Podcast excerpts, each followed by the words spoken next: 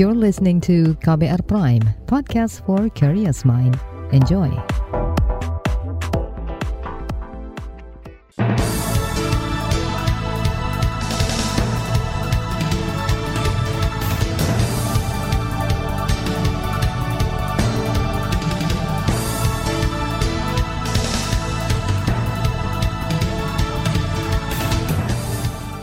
Selamat pagi saudara, senang sekali kami bisa menjumpai Anda melalui program Buletin Pagi edisi Jumat 2 September 2022 bersama saya Roni Sitanggang.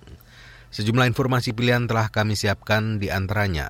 Pemerintah diminta beri sanksi ke perusahaan yang pakai solar bersubsidi. Jokowi sebut rencana kenaikan harga BBM masih dikalkulasi. Kementerian ATR tuntaskan sengketa tanah suku anak dalam di Jambi. Inilah buletin pagi selengkapnya. Terbaru di buletin pagi. Saudara perkebunan kelapa sawit dan pertambangan diduga gunakan BBM bersubsidi jenis solar. Dalam perpres tentang penyediaan, pendistribusian, dan harga jual eceran BBM, truk roda 6 masih boleh membeli jatah solar subsidi hingga 200 liter per hari. Anggota komisi yang membidangi energi DPR Adian Napitupulu dalam sebuah diskusi daring menduga negara merugi hingga 147 triliun rupiah akibat kebocoran subsidi BBM subsidi. Angka itu didapat dari selisih harga keekonomian dengan harga jual eceran sebesar Rp8.800 per liter. Kata dia, ada sekitar 230 ribuan truk di sekitar 7 ribuan perusahaan perkebunan dan pertambangan memakai jatah 200 liter solar subsidi per hari. Itulah yang dibayarkan negara setiap tahun 55 triliun sekian, hampir 50, 56 triliun. Nah lalu saya cari, pajak kebun sawit berapa yang masuk ke negara kita? 20 triliun. Jadi ada selisih 35 triliun yang kita loh. Ini kok kita jadi rugi gitu loh. Nah makanya ini salah satu sebab menurut saya, yuk kita ulang aja, hitung ulang saja. Kita hitung ulang saja, jangan-jangan dari 2000 sekian kebun sawit itu yang PMA ada ada 332 Bang Faisal. Jangan-jangan kita mensubsidi PMA itu. Anggota Komisi Energi DPR dari fraksi PDI Perjuangan Adian Napitupulu lantas mendorong pemerintah menjelaskan penyaluran BBM bersubsidi yang tepat sasaran sebelum menaikkan harga BBM. Ia juga meminta agar Presiden Jokowi segera menandatangani revisi Perpres tentang penyediaan, pendistribusian, dan harga jual eceran BBM, serta mengawasi ketat penyaluran BBM subsidi. Dugaan kebocoran BBM subsidi jenis solar ini juga disampaikan Lembaga Pemantau Kebijakan Publik Ombudsman. Ketika dikonfirmasi KBR kemarin, anggota ORI Heri Susanto meminta pemerintah, BPH Migas, dan Pertamina mengawasi ketat penyaluran BBM bersubsidi jenis solar dan Pertalite. Apalagi kata dia dalam perpres tentang BBM ada larangan tegas bagi kendaraan barang perkebunan sawit dan pertambangan beroda lebih dari enam menggunakan BBM subsidi. Heri mendorong sanksi tegas bagi perusahaan perkebunan atau pertambangan yang melanggar. Nah kalau solar kan sudah diatur di dalam perpres yang existing sekarang. Nah di dalam pengaturan di perpres tersebut kan ada pengecualian gitu, yaitu kendaraan angkutan hasil perkebunan dan pertambangan. Nah itu yang nggak boleh tuh. Tapi dalam aplik apa implementasinya di lapangan masih masih banyak kejadian itu. Mobil pertambangan, perkebunan sawit yang banyak menyedot eh, BBM subsidi yang sebetulnya mereka uh, tidak boleh itu. Anggota Ombudsman Heri Susanto mendorong pemerintah memperbaiki kriteria jenis kendaraan yang bisa menggunakan BBM bersubsidi. Dia menyarankan pemerintah membatasi hanya kendaraan angkutan umum dan sepeda motor saja yang diizinkan menggunakan BBM bersubsidi. Sementara kendaraan roda empat pribadi dan perusahaan harus menggunakan BBM non-subsidi.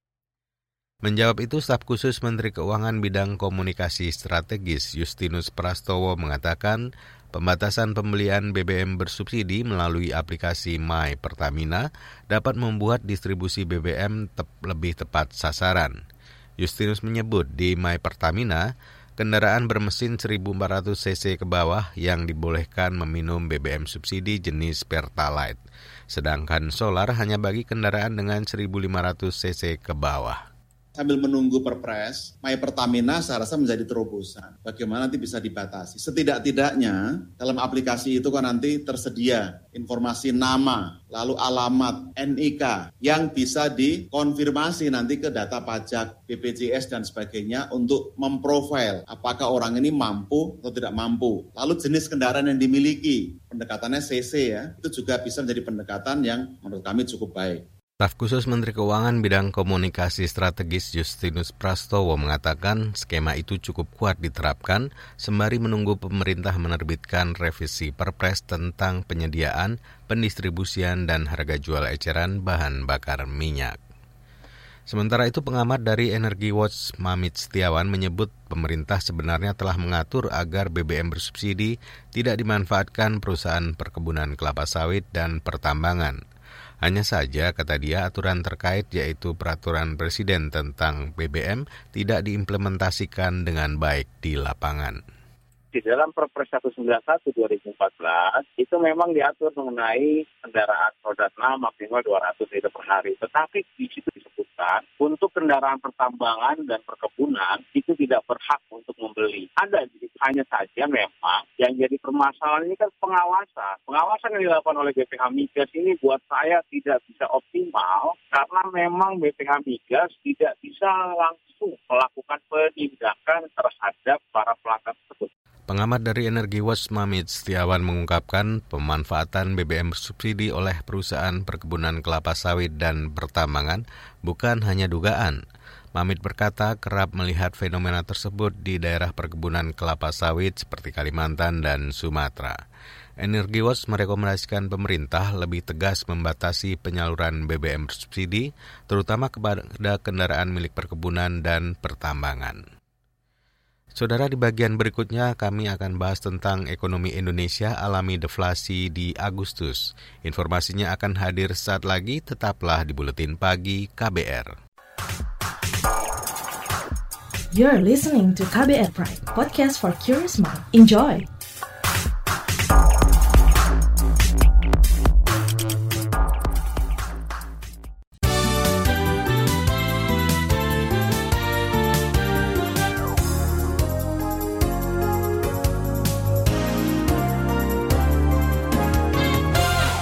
Anda sedang mendengarkan buletin pagi KBR. Saudara Presiden Joko Widodo menegaskan pemerintah masih menghitung besaran harga BBM bersubsidi. Pernyataan ini disampaikan Jokowi usai meluncurkan teknologi 5G mining di Mimika, Papua kemarin. BBM semuanya masih pada proses dihitung, dikalkulasi dengan hati-hati. Masih dalam proses dihitung dengan penuh kehati-hatian, ya itu tadi Presiden Jokowi. Sebelumnya sinyal kuat rencana pemerintah menaikkan harga BBM subsidi disampaikan Menteri Energi dan Sumber Daya Mineral Arifin Tasrif, serta Menko Kemaritiman dan Investasi Luhut Binsar Panjaitan. Luhut menegaskan subsidi APBN untuk BBM sudah terlalu membebani keuangan negara dengan jumlah mencapai lebih 500 triliun rupiah. Komisi Nasional Hak Asasi Manusia Komnas HAM menemukan tiga hal dari hasil penyelidikan dan pengawasan kasus penembakan Brigadir Nofriansah Yosua Huta Barat atau Brigadir J, yakni terjadinya pembunuhan di luar hukum, tidak ada tindak pidana kekerasan penganiayaan, dan adanya kejahatan tindak pidana menghalangi proses hukum dalam kasus Brigadir J. Rekomendasi itu kemarin diserahkan Komnas HAM kepada tim khusus Polri. Menurut Komisioner Komnas HAM BK Ulung Hapsara, laporan itu berisi sejumlah rekomendasi kepada kepolisian terkait fakta yang didapat lembaga pembela hak asasi manusia itu. Jadi kalau rekomendasi kepada kepolisian kan memang tergantung dan pihak-pihak lain kan tergantung juga soal kewenangan dan juga mandat dari masing-masing pihak. Kepada kepolisian memang akan lebih teknis itu yang pertama dan juga nantinya diharapkan oleh Komnas bisa membantu proses hukum yang sedang berjalan di kepolisian. Sementara nanti kepada presiden atau yang lain juga nanti kan soal bagaimana kemudian memperbaiki institusi. Itu tadi Komisioner Komnas HAM BK Ulung Hapsara. Dalam kasus pembunuhan berencana terhadap Brigadir J, kepolisian menetapkan lima tersangka, yaitu Ferdi Sambo, Barada Richard Eliezer, Bribka Riki Riza, Kuat Ma'ruf, dan Putri Chandrawati. Masih terkait pembunuhan Brigadir J, keluarga Brigadir Nofriansah Yosua Huta Barat atau Brigadir J khawatir pengadilan lebih mendukung pelaku dibandingkan korban. Menurut pengacara keluarga Brigadir J. Johnson Panjaitan, kekhawatiran itu muncul karena bekas berkas yang didapatkan berasal dari obstruction of justice atau menghalangi proses hukum. Kebenaran dan keadilan itu nggak akan kita dapatkan kalau berkas yang akan diadili dan dibuat dakwaannya hasil obstruction of justice. Hasil obstruction of justice maka kalau hasil obstruction of justice yang akan kita dapatkan bisa saja praktek error in persona dan peradilan sesat. Pengacara Brigadir J. Johnson Panjaitan juga menilai Komnas HAM dan Kompolnas lebih mengutamakan pelaku. Johnson mengatakan akan terus memperjuangkan keadilan dan kebenaran di kasus pembunuhan Brigadir Yosua. Masih terkait informasi hukum, Tim Jaksa Komisi Pemberantasan Korupsi KPK telah menyelesaikan dakwaan terhadap empat tersangka auditor Badan Pemeriksa Keuangan BPK Perwakilan Jawa Barat. Juru bicara KPK Ali Fikri, Ali Fikri mengatakan mereka diduga menerima suap dari Bupati Bogor nonaktif Ade Yasin terkait pengurusan laporan keuangan tahun anggaran 2021. Ali menyebut terdakwa akan segera diadili di Pengadilan Tipikor Bandung.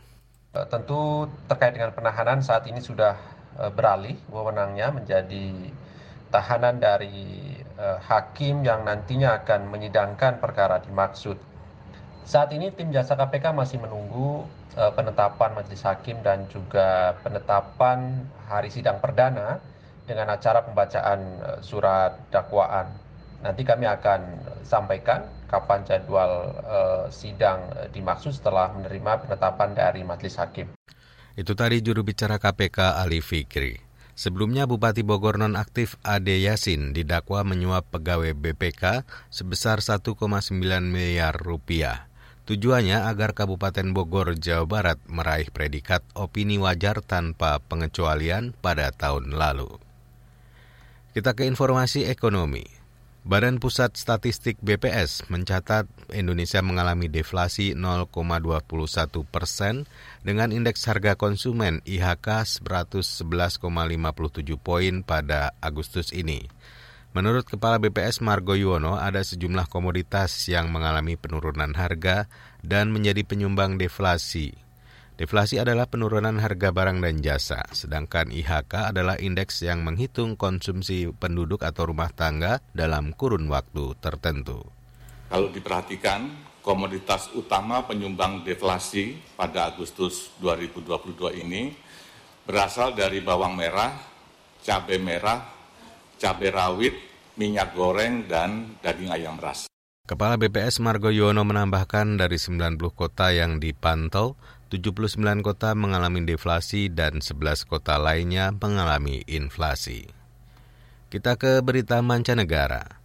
Rosmah Mansor, istri bekas Perdana Menteri Malaysia Najib Razak, dihukum 10 tahun penjara. Kemarin dia difonis bersalah atas kasus suap proyek pendidikan negara itu di 2016. Fonis terhadap Rosmah ini dijatuhkan hanya sepekan setelah suaminya Najib Razak mulai menjalani hukuman 12, 12 tahun penjara karena terbukti terlibat korupsi dana lembaga investasi. Dikutip dari AFP, Rosmah juga diwajibkan membayar denda setara 3,2 triliun rupiah. Sebelumnya Rosmah juga dinyatakan bersalah karena meminta suap dengan nilai 644 miliar rupiah sebagai imbalan memenangkan satu perusahaan di proyek tenaga surya. Selain itu, Rosmah juga menghadapi 17 dakwaan pencucian uang dan penghindaran pajak sebesar ratusan juta ringgit. Beralih ke berita olahraga. Indonesia meloloskan lima wakil ke perempat final Japan Open 2022 kemarin. Di nomor tunggal putra, hanya Kiko yang melanggang ke, melenggang ke babak perempat final disusul Gregoria Mariska di nomor tunggal putri. Di sektor ganda putra ada Fajar Rian Menang yang menjadi penyelamat ganda putra. Di nomor ganda putri, Indonesia meloloskan dua wakil yaitu Apriani Siti Fadia dan Ana Tiwi. Babak perempat final akan berlangsung hari ini waktu Tokyo. Saudara, di bagian berikutnya kami hadirkan laporan khas KBR membahas kepercayaan terhadap Polri rendah akibat kasus Brigadir Yosua. Simak usai jeda, tetaplah di Buletin Pagi KBR. You're listening to KBR Pride, podcast for curious mind. Enjoy!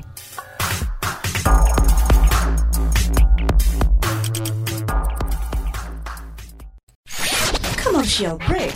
Commercial break.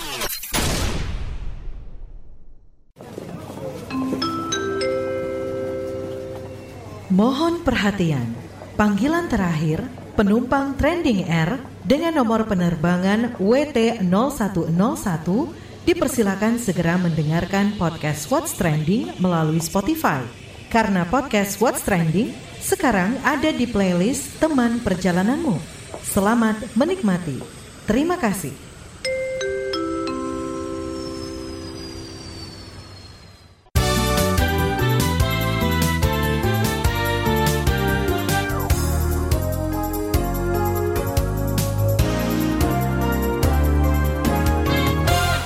Terima kasih Anda masih bersama Roni Sitanggang di Buletin Pagi KBR. Saudara, tingkat kepercayaan publik terhadap Polri menurun drastis. Salah satunya karena kasus dugaan pembunuhan berencana terhadap Brigadir Yosua. Perkara itu juga dinilai telah membuka berbagai permasalahan yang selama ini ada di institusi kepolisian. Selengkapnya kita simak laporan khas KBR yang disusun jurnalis Heru Haitami. Kepolisian Negara Republik Indonesia Polri meraih tingkat kepercayaan terendah di antara lembaga penegak hukum lain di Indonesia. Fakta itu terungkap dari riset yang dikeluarkan Lembaga Survei Indonesia LSI kemarin. Kepercayaan rendah itu didapat salah satunya karena kasus pembunuhan berencana terhadap Brigadir Yosua Huta Barat atau Brigadir Y yang diduga dilakukan Verdi Sambo dan kawan-kawan. Sebelum kasus ini mencuat, Polri masuk tiga besar lembaga yang dipercayai publik. Direktur Eksekutif LSI Jayadi Hanan. Kalau kita perhatikan lembaga-lembaga penegak hukum, Mahkamah Agung, Mahkamah Konstitusi dan Pengadilan itu berada di posisi di atas Kejaksaan Agung yang kemudian diikuti oleh KPK, tapi kepolisian untuk sementara paling bawah di antara lembaga-lembaga penegak hukum tersebut. Jayadi menjelaskan survei dilakukan dengan menggunakan kombinasi dua atau lebih metode pengambilan sampel yang berbeda terhadap lebih dari 1.200 responden. Potensi kesalahan lebih kurang 2,9 persen dengan tingkat kepercayaan 95 persen. Kalau secara spesifik kita tanyakan ke publik dengan membandingkan lembaga-lembaga penegak hukum, kejaksaan, pengadilan, KPK, dan Polri, maka tingkat kepercayaan pada lembaga-lembaga ini dalam hal penegakan hukum, itu tingkat kepercayaannya untuk sementara paling tinggi ada di kejaksaan, diikuti oleh pengadilan, lalu KPK, dan untuk sementara Polri paling bawah. Menurut Jayadi, berdasarkan survei, masyarakat masih menaruh kepercayaan kepercayaan kepada Korps Bayangkara ihwal penuntasan kasus Brigadir Y. Kalau masyarakat hanya tahu kasus ini, mereka cenderung tingkat kepercayaan kepada kepolisian lebih rendah dibandingkan dengan yang tidak tahu. Tetapi kalau masyarakat itu tahu terhadap kasus ini dan mereka percaya dan melihat langkah-langkah yang dilakukan oleh polisi, maka tingkat kepercayaannya menjadi makin tinggi atau lebih tinggi. Namun kata dia, karena kasus ini sudah menjadi perhatian luas masyarakat, maka penting bagi polisi untuk bisa menuntaskan perkara pembunuhan Joshua. Menanggapi hasil survei itu, Menko Polhukam Mahfud MD mengaku tak kaget bahwa kasus Ferdi Sambo akan menggerus kepercayaan pemerintah dan institusi Polri. Sejak awal saya katakan menjadi taruhan tuh bagi kredibilitas pemerintah dan Polri. Dan betul ketika itu kasus berlama-lama sampai dilakukannya survei ini. Saya kira survei ini kan dilakukan pada saat itu sedang memburuk situasi itu dan seterusnya misalnya sampai sekarang itu akan mempengaruhi kredibilitas pemerintah dan ini terbukti Polri turun gitu. Analisis berbeda disampaikan anggota Komisi Hukum DPR Benika Harman terkait institusi Polri. Menurutnya, kemunculan kasus Sambo membuka berbagai permasalahan di institusi kepolisian yang selama ini dibiarkan. Masalah yang ia maksud salah satunya berkaitan dengan penyalahgunaan kekuasaan di tubuh Polri. Masalahnya adalah bagaimana praktek penyalahgunaan di lembaga kepolisian yang begitu masif. Katakanlah illegal mining, perjudian, satgas, Coba bayangkan, jadi apa yang diungkapkan oleh masyarakat ke publik yang selama ini ditenggelamkan, lalu diangkat ke publik, ini menjadi problem kita juga. Ini menjadi masalah yang harus kita selesaikan. Bahwa ternyata institusi kepolisian selama ini bisa kita katakan telah melakukan penyalahgunaan kekuasaan, penyalahgunaan kewenangan, dan itu dilakukan secara masif. Beni menduga penyalahgunaan wewenang di kepolisian disebabkan banyak hal. Salah satunya karena Polri sudah begitu lama menjadi bagian dari kekuasaan politik. Dalam perspektif hak asasi manusia, segala bentuk penyalahgunaan kewenangan adalah salah satu tindakan yang tidak akuntabel atau tidak bertanggung jawab. Padahal menurut Direktur Eksekutif Amnesty Internasional Indonesia Usman Hamid, akuntabilitas merupakan pertanggungjawaban hukum atas segala bentuk penyalahgunaan kewenangan atau penyalahgunaan kekuatan termasuk senjata api yang dimiliki oleh lembaga keamanan seperti kepolisian. Menurut Usman, akuntabilitas seharusnya dibangun melalui mekanisme pengawasan yang baik. Pengawasan internal melalui divisi propam, melalui inspektorat umum, inspektorat jenderal umum, sampai dengan mekanisme kode etik di dalam kepolisian. Nah, Pengawasan ini tidak bekerja efektif karena justru yang bermasalah adalah pimpinan dari salah satu lembaga akuntabilitas internal di kepolisian ini. Direktur Eksekutif Amnesty Internasional Indonesia Usman Hamid menyebut mekanisme pengawasan juga harus dilakukan eksekutif yang diwakili presiden dan menteri-menteri terhadap proses penanganan perkara. Tetapi peran pengawasan juga ada di lembaga legislatif. Dalam kasus Brigadir Yosua, polisi telah menetapkan lima tersangka, salah satunya bekas bekas Kadif Propam Polri Perdi Sambo, dalam perkembangan penyidikan, polisi kembali menetapkan enam perwira sebagai tersangka karena diduga menghalangi pengungkapan perkara. Demikian laporan khas KBR, saya Heru Haitami. Saudara informasi dari berbagai daerah akan kami hadirkan usai jeda berikut ini. You're listening to KBR Pride, podcast for curious mind. Enjoy!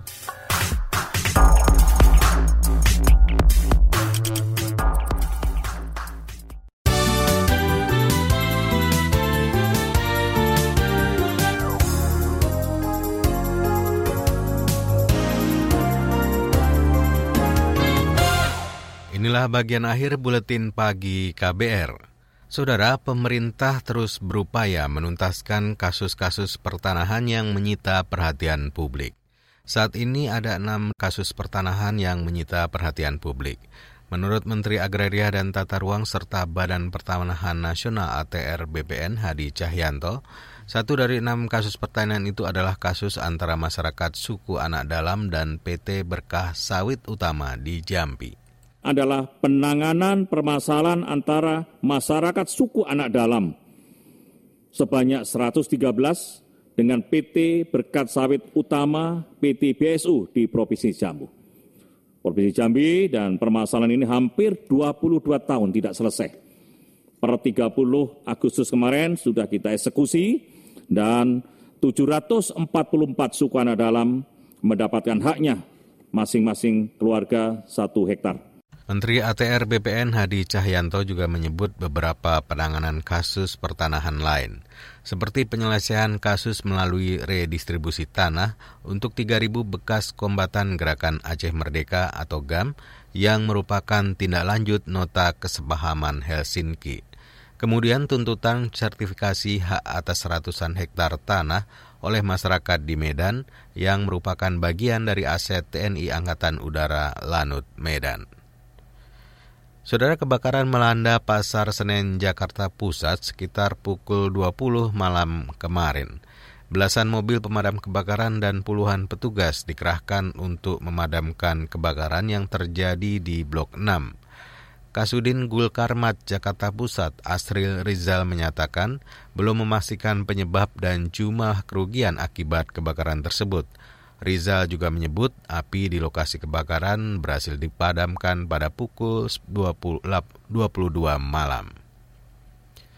Saudara jalur lintas Gayo di Kabupaten Bener Meriah, Provinsi Aceh terputus akibat bencana tanah longsor dan banjir.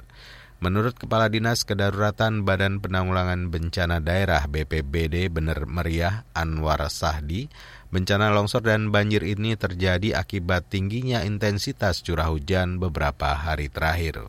Penanganan longsor yang terjadi ya ini beberapa titik tadi kita sudah survei ini sedang kita geser alat berat ke situ bang lokasi yang jalan yang terputus dan apa namanya drainase yang terputus. Insya Allah hari ini bagian sudah masuk peralatan kita yang mendesak kerjakan mulai hari ini. Kepala Bidang Kedaruratan di BPBD Bener Meriah Anwar Sahdi, BPBD telah menerjunkan tim reaksi cepat untuk mendata dampak kerusakan akibat banjir. Untuk tanah longsor, BPBD Bener Meriah mengerahkan alat berat agar tidak mengganggu aktivitas kendaraan di jalur lintas Gayo. Saudara informasi tadi menutup jumpa kita di Buletin Pagi hari ini. Pantau juga informasi terbaru melalui kabar baru, situs kbr.id, Twitter kami di akun @beritaKBR serta podcast di alamat kbrprime.id. Akhirnya saya Roni Sitanggang bersama tim yang bertugas undur diri. Salam.